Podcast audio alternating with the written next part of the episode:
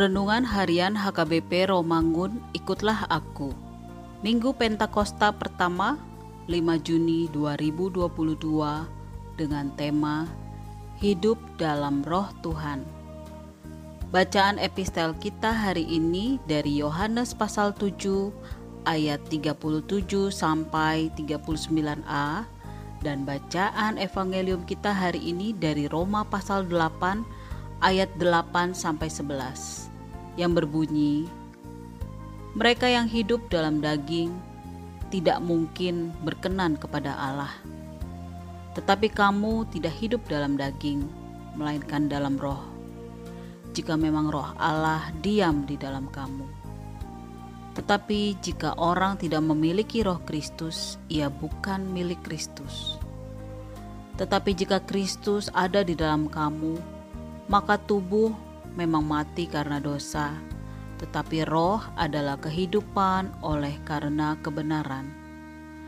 Dan jika roh Dia yang telah membangkitkan Yesus dari antara orang mati diam di dalam kamu, maka Ia yang telah membangkitkan Kristus Yesus dari antara orang mati akan menghidupkan juga tubuhmu yang fana itu oleh rohnya yang diam di dalam kamu.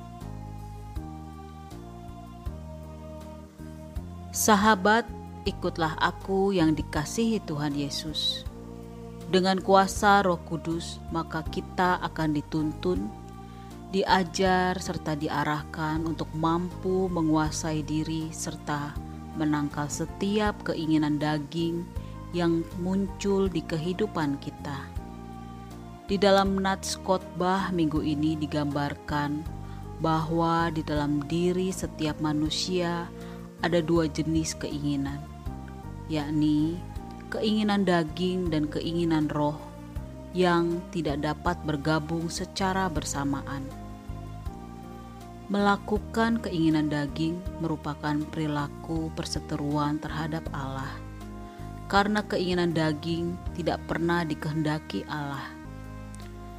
Keinginan daging hanya menimbulkan sifat serakah, tamak, amarah, dan kebencian yang sangat bertentangan dengan keinginan Allah. Keinginan daging itulah yang merupakan dosa dalam hidup manusia.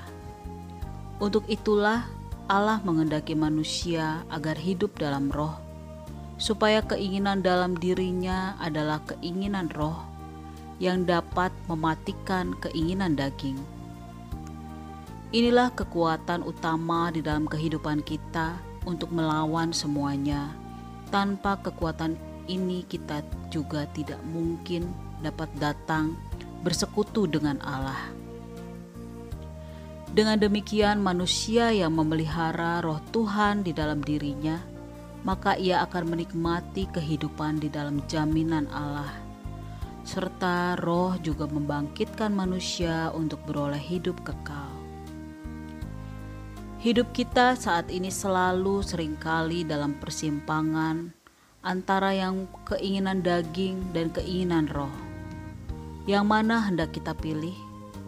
Ingatlah bahwa keinginan daging akan membawa kita kepada perilaku dosa.